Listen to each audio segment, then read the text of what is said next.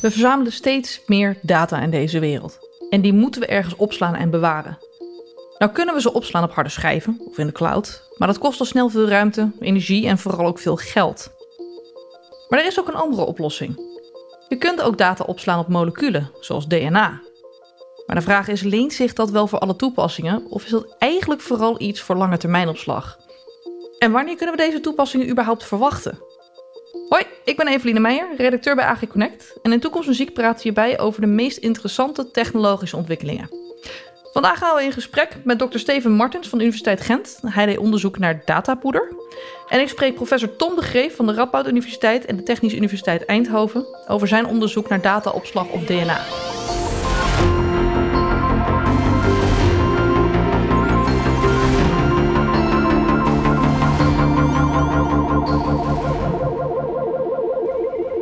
Wetenschappers van de Universiteit van Gent ontwikkelden al in 2018 een methode om data op te slaan op een reeks macromoleculen.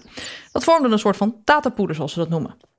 Bij ons is dokter Steven Martens van de Universiteit van Gent en hij werkte aan dat datapoeder als een doctoraal onderzoek. Vertel eens, wat, wat maakt moleculen nou zo geschikt voor dataopslag? Um, het probleem dat we hebben nu met onze huidige uh, media om data op te slaan, is dat je zeldzame metalen nodig hebt als eerste. En ja, die zijn ja, zeer vervuilend om te ontginnen. Die kosten ook heel veel geld. En ja, eigenlijk alleen zoals ik al zei, de specifieke omstandigheden waarbij je ze moet ja, verkrijgen, ja, zijn niet echt ideaal. Um, een tweede probleem met de huidige opslagmedia is als we ja, zo, kijken naar de grote servers van Google of van Facebook, dan heb je eigenlijk al hele verdiepingen vol nodig om data bij op te gaan staan. En gebruik je ook ongelooflijk veel energie. Mhm. En, een laatste, en een laatste probleem is dat we ook um, silicium nodig hebben. Dat, eh, ja, we kennen, dat zit bijna in elke microchip.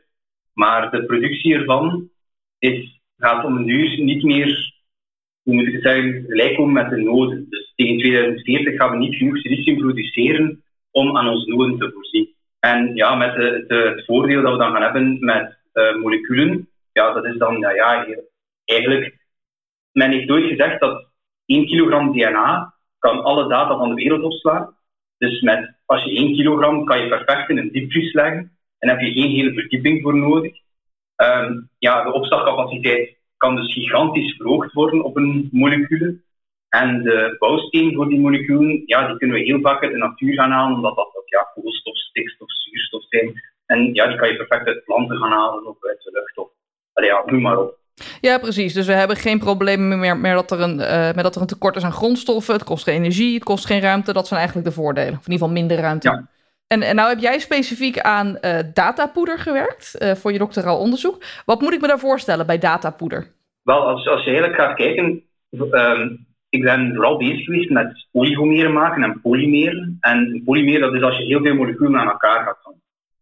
En uh, polymeren gaan de meeste mensen herkennen, want ja, dat wordt eigenlijk gebruikt om plastic zakken te maken, plastic flessen. Uh, piepschuim wordt daaruit gemaakt, de polyesters in je trui, uh, de polyamiden die bijvoorbeeld in je eilandkousen zitten. Um, die hebben dus eigenlijk, allee, dat is eigenlijk, dat zijn allemaal polymeren. En de polymeren die ik gemaakt heb, of de oligomeren die ik gemaakt heb om mijn data op te slaan, als ik die had opgezuiverd en na alle verwerkingen die ik nodig had, dan kwam ik eigenlijk op een, een poedertje uit. En vandaar spreken wij eigenlijk nu over een soort datapoeder.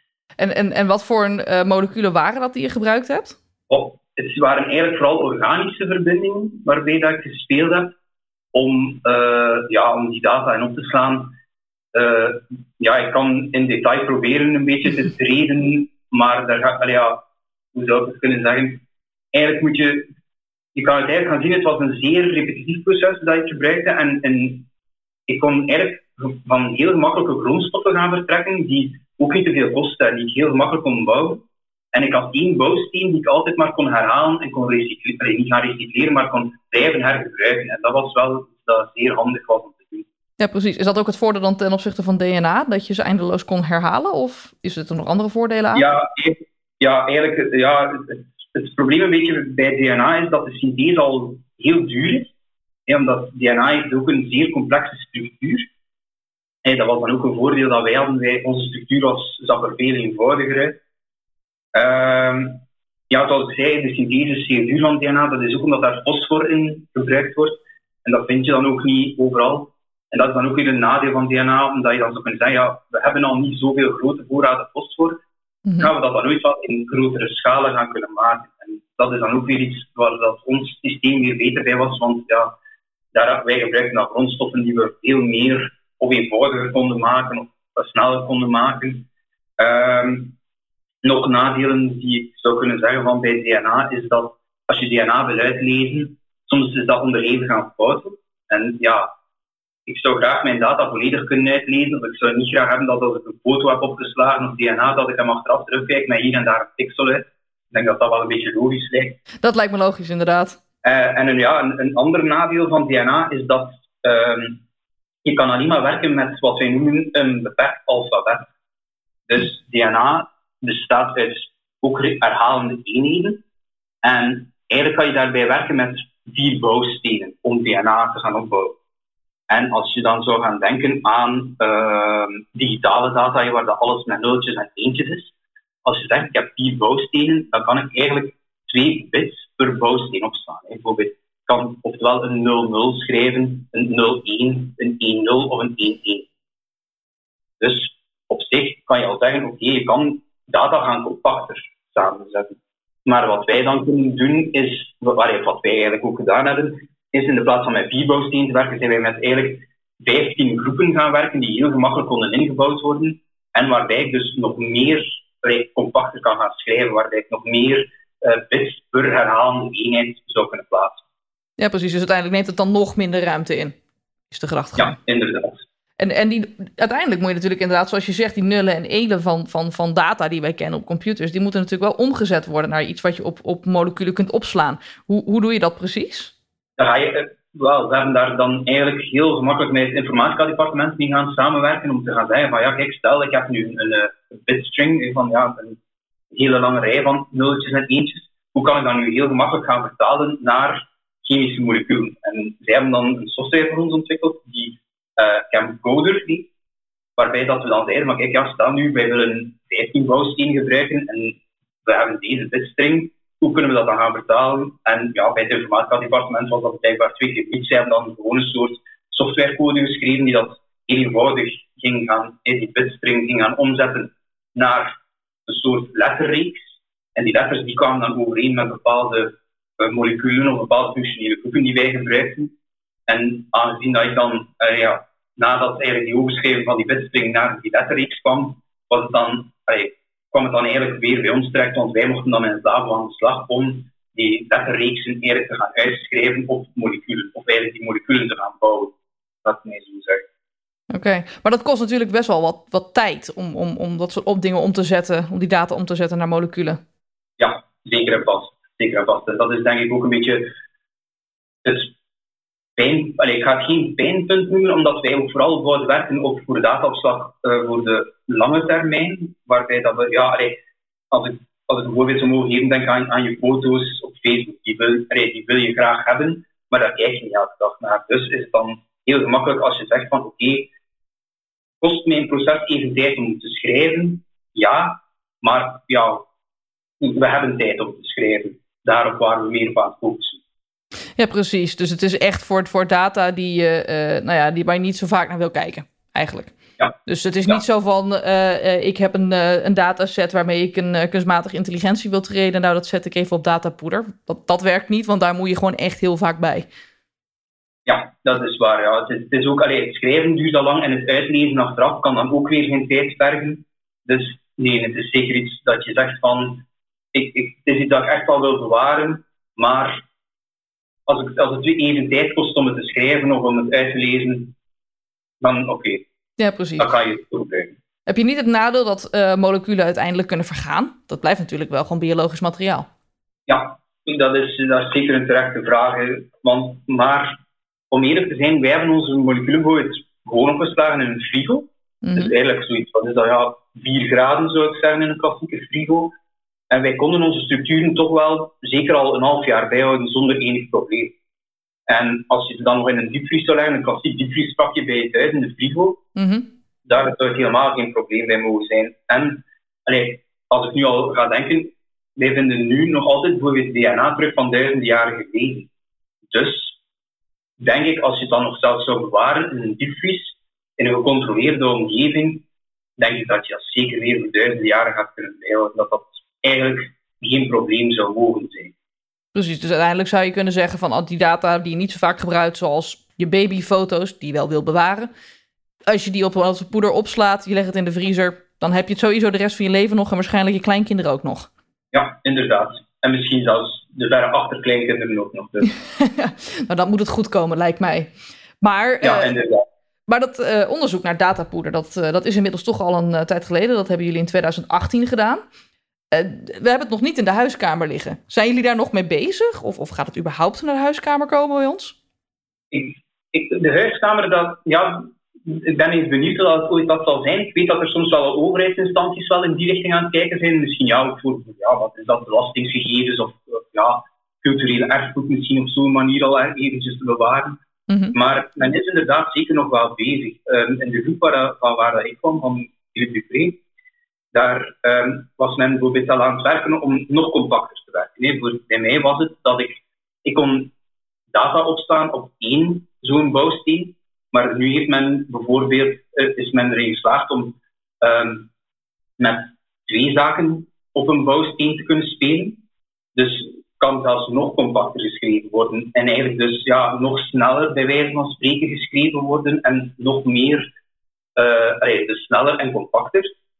Uh, een ander iets waar men ook nog altijd mee bezig is, is om het nog sneller te gaan maken. Dat is ook iets waar dat mijn vorige groep mee bezig was. Daar hebben zij een soort chemie die ja, een paar seconden soms al een reactie kan geven. Ik, ik vergelijk het altijd een beetje met secondenlijn. Zij zijn dan bezig met secondenchemie. Mm Dus dat het gewoon een beetje toevoegen is aan elkaar en het klikt al aan elkaar en ze kunnen weer de volgende stap gaan nemen. Dus allee, men denkt toch zeker ook in die richting. Um, een ander iets, allee, ja, je, je spreekt daar wel van, gaan we het in de huiskamer hebben liggen? Misschien onrechtstreeks wel. Want de applicatie, wij, wij hebben nu gedacht aan data, opslag, maar een, een andere applicatie waarbij men bij mijn vorige groep aan dacht, was ook om antinamaakspullen te maken. Dat was dat men eigenlijk in een materiaal gaat men zo ook een stukje data gaan steken. En dat stukje data bewijst dan ook dat het door bijvoorbeeld die fabrikant gemaakt is. Mm. In de groep waar dat ze bij mij gewerkt hebben, hebben ze dat uh, op een bankbiljet gezet. En dan achteraf hebben ze dat bankbiljet weer bezitten bewerken. En had men, kon men eigenlijk dat stukje data terug uit dat bankbiljet halen. Dus konden we bewijzen van, kijk, wij hebben dit bankbiljet gemerkt. Dus eigenlijk namaakgeld zal heel moeilijk worden om te maken, bij wijze van spreken. Want ja, je moet wel echt dat stukje data kunnen zetten op dat briefje bijvoorbeeld. Ja, precies. Maar dan heb je heb je dan niet het nadeel wel dat het dan weer heel lang duurt om dat uit te lezen? Ik kan me voorstellen dat je dat niet even achter de kassa uh, dat stukje data uit gaat lezen. Ja, dat, is, dat is inderdaad wel waar. Dan zal, dan zal het wel een beetje meer echt de recherche erop moeten gezet worden, bij wijze van spreken, om, om het eruit te kunnen halen. Dat is zeker waar. Maar ja, het is, het is misschien ook wel een. Het is natuurlijk ook wel weer, je kan je dan ook de vraag gaan stellen, iemand die dan namaakt, biljetten wilt maken of namaakt schoenen, heeft ook niet direct een labo ter beschikking om die data te gaan maken dat stukje data. Dus nee, dat is zo beschermt eigenlijk meer je erf, ah, niet je erfgoed, maar je, ja, je uitvinding of, of je, ja, je bankbiljet, bij wijze van spreken. Ja, precies. Dat, uh, maar het uh, zou bijvoorbeeld wel kunnen gebeuren dat we ook uh, in de toekomst naar een, een, een, een faciliteit toe gaan, daar onze data op poeder laten zetten en dan het poeder mee naar huis nemen? Als het om data gaat die toch niet zo vaak uitleest? Oh, misschien zal dat er ooit wel komen, maar ik, allez, ik zal proberen sceptisch te zijn en misschien toch. Allee, ik denk dat dat de eerste 10 à 30 jaar er nog niet zit aan te komen, denk ik. Maar allee, ja, de wetenschap verbaast mij elke dag. Dus daarmee dat ik er ooit ook aan begonnen ben om, om daarin te stappen. En ja, allee, het is ook nu wel waar, like een speler zoals Microsoft heeft al ooit, allee, dat was dan in 2016, dus kijk, we spreken weer al van vijf jaar verder, 200 eh, megabyte aan bepaalde zaken zitten opslaan op, denk ik, DNA. Dus als al zo'n speler daar ook op springt, zou het mij niet verbazen dat dat zich wel zijn weg zal banen naar eerst grotere spelers en dan naar particulieren zoals wij in de huiskamer of wat ja, bij mensen thuis. Ja, precies. Dus het, het, het, het, kan wel in de toekomst. Het zou best kunnen, mits de juiste speler erop gaat. Maar voorlopig zitten we dus nog gewoon aan onze harde schijven en USB-sticks vast. Ja, maar op zich, allez, voorlopig lukt dat zeker nog wel. Maar we beginnen ons toch zorgen te maken ja, dat, dat we daar toch ooit niet genoeg mee gaan hebben. Ja, dat snap ik inderdaad. Dus dit is wel iets waar, we, waar de focus op mag blijven liggen de komende tijd. Ja, zeker en vast. Het is dus mogelijk om data op te slaan op polymeren, die dan een soort van datapoeder vormen. Maar er is ook een optie om data op te slaan op DNA. Bij mij is professor Tom de G van TU Eindhoven en de Radboud Universiteit en dat is precies waar hij aan werkt. Tom, welkom. Uh, welke voordelen biedt dataopslag op moleculen ten opzichte van traditionele opslagmethoden? Nou, naar uh, verwachting zal de mensheid in 2025 jaarlijks uh, eh, 10 miljard terabyte aan data per jaar genereren. Het opslaan van deze grote hoeveelheid data door middel van optische en magnetische dataopslag uh, verrijkt datacentra met hele grote fysieke footprints en dat gaat gepaard met een enorm hoog energieverbruik. Het merendeel van deze data wordt opgeslagen in de vorm van archiefopslag. En uh, deze archiefopslag wordt gekenmerkt door een lage uitleesfrequentie en een lange houdbaarheid van de data. Aangezien de hoeveelheid data blijft toenemen, is het een uitdaging voor de opslagsector om manieren te vinden om aan de vraag naar de opslag van deze gegevens te voldoen. Uh, de, huidige opslag, de huidige infrastructuur kan slechts een fractie van de komende overvloed aan gegevens aan. En die grote datacentra die die data opslaan op magnetische tapes kunnen ongeveer een miljoen terabyte opslaan. En zoals ik al vertelde zijn deze datacentra erg groot en verbruiken ontzettend veel energie. Dataopslag op moleculen zoals DNA heeft een aantal voordelen ten opzichte van magnetische en opslagmethodes. Uh, bijvoorbeeld de data is extreem lang houdbaar. Uh, waar je bijvoorbeeld een magnetische tape om de 5 tot 10 jaar moet vervangen, uh, kan de data opgeslagen in moleculen honderden, zelfs duizenden jaren meegaan. Daarbij is de fysieke footprint extreem laag. Je zou bijvoorbeeld een miljoen terabyte kunnen opslaan op een enkele gram DNA, de grootte van een suikerklontje het bewaren van deze data kost ook geen energie. En dat zijn echte voordelen van eh, dataopslag op moleculen. Ja, precies. Dus het kost minder energie, je hebt minder ruimte nodig en het gaat gewoon veel langer ja, mee. Minder, ja, het gaat veel langer mee, veel minder energie. Uh, en het heeft bijna geen, geen ruimte, neemt geen ruimte in beslag. Dat klopt. Nee, precies. Hey, en, en, en wat voor moleculen lenen zich daar dan bij uitstek voor? Uh, nou, je kunt eigenlijk uh, tal van moleculen denken, polymeren, eiwitten of DNA. Uh, nou, ik werk aan DNA en dat doe ik omdat DNA bevat vier basisparen en heeft daarom theoretisch een extreem hoge opslagcapaciteit. Belangrijk voor de keuze van de molecuul is dat je de data ook weer kunt uitlezen. En voor DNA is deze technologie al erg volwassen en wordt al jaren gebruikt in de geneeskunde en ook de forensische wetenschap. Het uitlezen van de data met uh, DNA gaat met behulp van next generation sequencing. En met die techniek bepaal je eigenlijk de volgorde van de basisparen. Hè? Dus de A, C, T's en K's. Mm Je krijgt zo je data weer helemaal terug en die kun je dan weer omzetten in 0 en 1. Uh, het uitlezen van de data is op dit moment tijdrovend en relatief duur. Mm maar een voordeel van DNA is dat je eigenlijk dus niet alle data hoeft uit te lezen, maar er ook voor kunt kiezen om slechts een klein gedeelte uit te lezen. Uh, stel je slaat een heel boek op, uh, dan kun je eigenlijk voor kiezen om zeg maar één bladzijde van dat boek weer terug te vertalen. Uh, en dat doen we eigenlijk met een techniek die PCR heet. Hè. Dus je kunt eigenlijk alleen maar die file die behoort bij die pagina, kun je dan uh, met PCR eruit amplificeren. Uh, en die data weer teruglezen met behulp van next generation sequencing. Precies, het is ook een beetje doorzoekbaar, zeg maar. Ja, het is doorzoekbaar. Ja, ja je kunt zelf op. ja, het is, dus heel erg doorzoekbaar. Ja, precies. En dat is iets wat bijvoorbeeld een polymeer wat niet, dan niet heeft. En dat is specifiek nee, die, die, ja, die, die technologie, er is nog geen technologie om, om polymeren op te amplificeren, zeg maar. En ook niet om één polymeer eruit te pakken van, van, van, van alles en, en die specifiek, zeg maar, uit te lezen. He, dus op polymeren moet je eigenlijk alle data die je hebt opgeslagen, moet je weer uh, gaan uitlezen. Dat was het begin bij DNA ook. Uh, maar omdat PCR bestaat, kun je dan nou eigenlijk ook maar een fractie van de data weer teruglezen. Ja, dat is natuurlijk wel handig. Als je dan, stel je wil heel veel foto's opslaan, dan kan je in ieder geval die enige, ene foto uitlezen in plaats van ja, alles. Ja, je kunt die ene foto, je kunt zelfs zoeken op foto's die een beetje op die foto lijken. dus stel je hebt drie foto's opgeslagen van een kat, maar die zijn net iets anders. Dan kun je dus met DNA kun je eigenlijk ook niet alleen die foto van de kat, maar ook die andere twee foto's die erop lijken, kun je eigenlijk weer terugzetten. Ja, precies. Nou is het natuurlijk wel zo dat uh, data uitlezen nog best wel veel tijd kost, zoals je ook al zei. Dus dan vraag ik me af, is het dan wel voor alle data geschikt? Of is dat echt een specifiek soort data waar het nu voor geschikt is? Ja, het, het is, uh, uh, het kost nu eigenlijk uren om die data uit te lezen. En het is ook niet dus de verwachting dat we ooit een harde schijf van DNA in onze PC zullen krijgen. Het is dus voornamelijk geschikt voor archiefopslag, waar je de data zeg maar, moet bewaren, heel lang moet bewaren en een uitleesfrequentie hebt van, laten we zeggen, één tot twee keer per jaar. Ja, en daar is het automatisch geschikt voor. Precies, dus je belastingaangifte die je op zeven jaar moet bewaren. Juist. Bijvoorbeeld. Hey, en uh, nou weet ik toevallig dat er ook systemen zijn waarmee je uh, kunt rekenen met opgeslagen data. Is, hoe gaat dat dan in zijn werk? Ja, nou, dus je zou in principe kunnen rekenen met opgeslagen data. Dat is, op dit moment wordt er nog niet echt veel gedaan. wat je wel kunt doen is DNA gebruiken om rekenoperaties uit te voeren. En dat is eigenlijk hetzelfde van moleculair rekenen. Dat is ook heel erg in komst.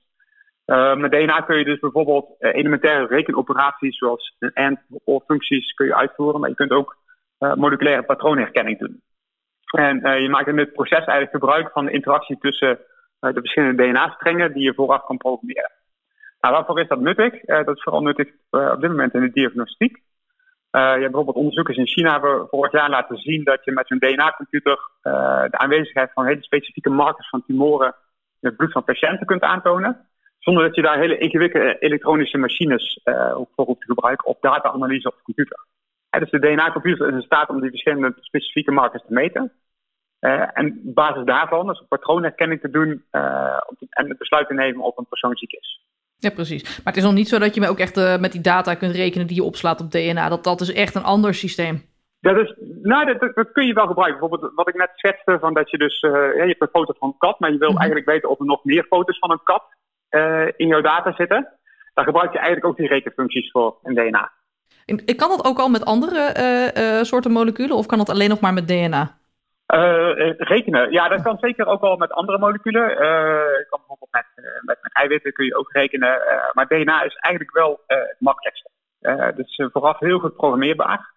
en je kunt er hele grote systemen aan maken. Je hebt bijvoorbeeld nou uh, dus die DNA-computer die ik net schetste, die die uh, tumormarkers uh, leest, ja, die, die hebben ongeveer 180, ja, 180 verschillende basenparen. Mm verschillende strands. Um, en dat is veel makkelijker, dat is veel makkelijker te doen met DNA. Hey, en nou werk jij ook met, een, met Microsoft aan een project. Kun je daar wat meer over vertellen? Uh, ja, dat kan ik zeker. Uh, ik kan er niet uh, heel veel over zeggen. Maar wat we vooral hebben gedaan is gekeken naar nieuwe manieren om fouten tijdens het uitlezen van de DNA-data te minimaliseren. dus je, je, leest die data uit met PCR. dat kennen we nou ook allemaal wel door de COVID-pandemie. Um, maar tijdens dat proces worden er eigenlijk hele kleine foutjes gemaakt. En die foutjes die maken, je eigen, maken je opgeslagen data eigenlijk als het ware corrupt. Uh, dus als je dan heel vaak gaat uitlezen, krijg je steeds meer op opeenhoping van kleine foutjes, waardoor je op een gegeven moment je data uh, niet meer goed is. Nou, we hebben eigenlijk een heel erg detail gekeken naar dit proces. Uh, hoe ontstaan die foutjes nou? Mm -hmm.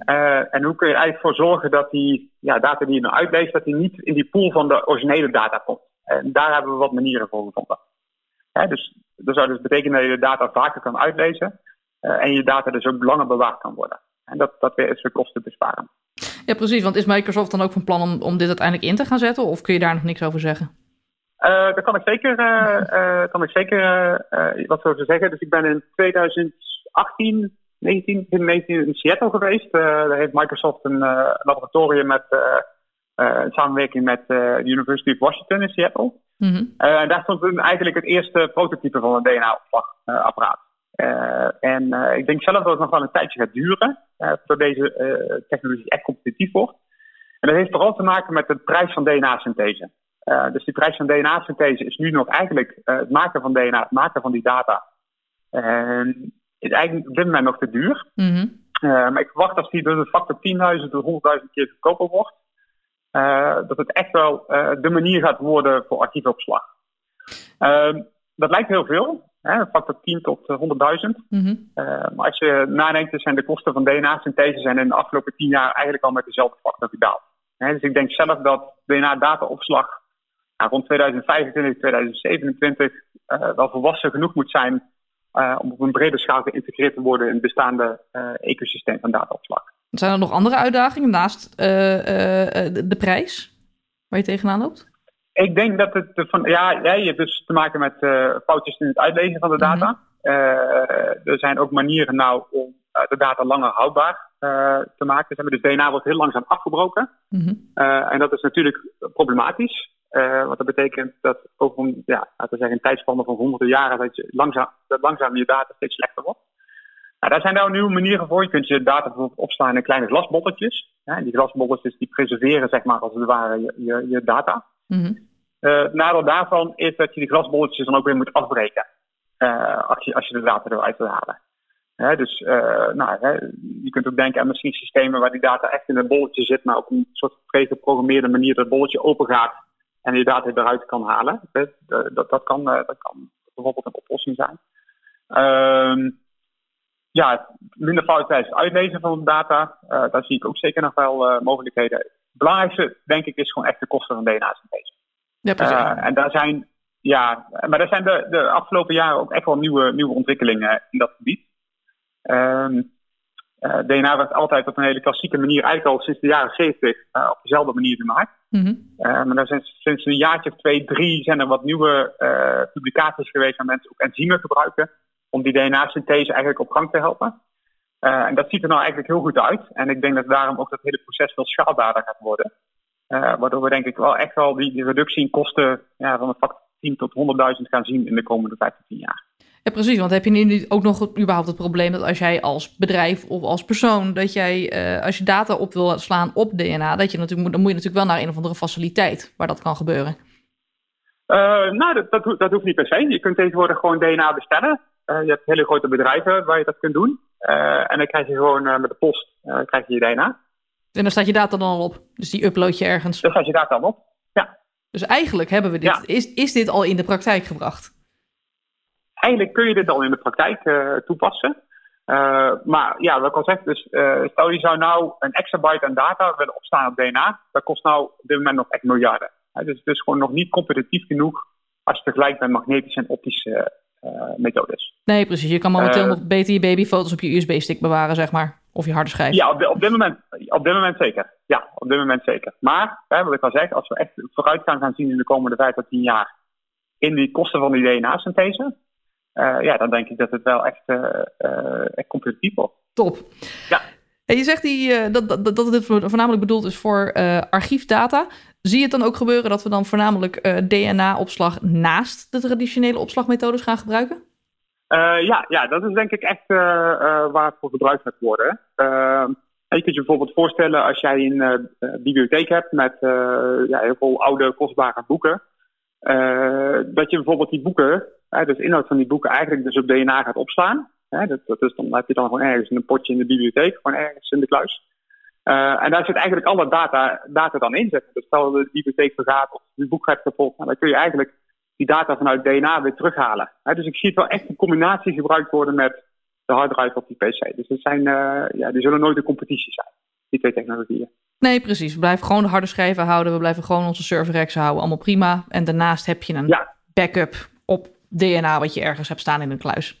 Ja, nou en ik denk, ik denk hoe dat misschien in de toekomst gaat, is dat je dus uh, ergens een webportal opent, uh, daar je data uploadt uh, en ergens zeg maar in de wereld wordt dan dat DNA gemaakt en naar jou toegestuurd. En als je het wil uitlezen, dan ja, moet, je weer, moet je het weer terugsturen. of het kan ook zijn dat het gewoon ergens, hè, dat er geen bedrijven ontstaan die, dat, die die data opslaan, maar ook weer uitlezen. Hè. Dus dan, dan ja, dan upload je het op een webpagina. Het wordt daar ergens opgeslagen DNA. En als je het weer opvraagt, dan betaal je daarvoor.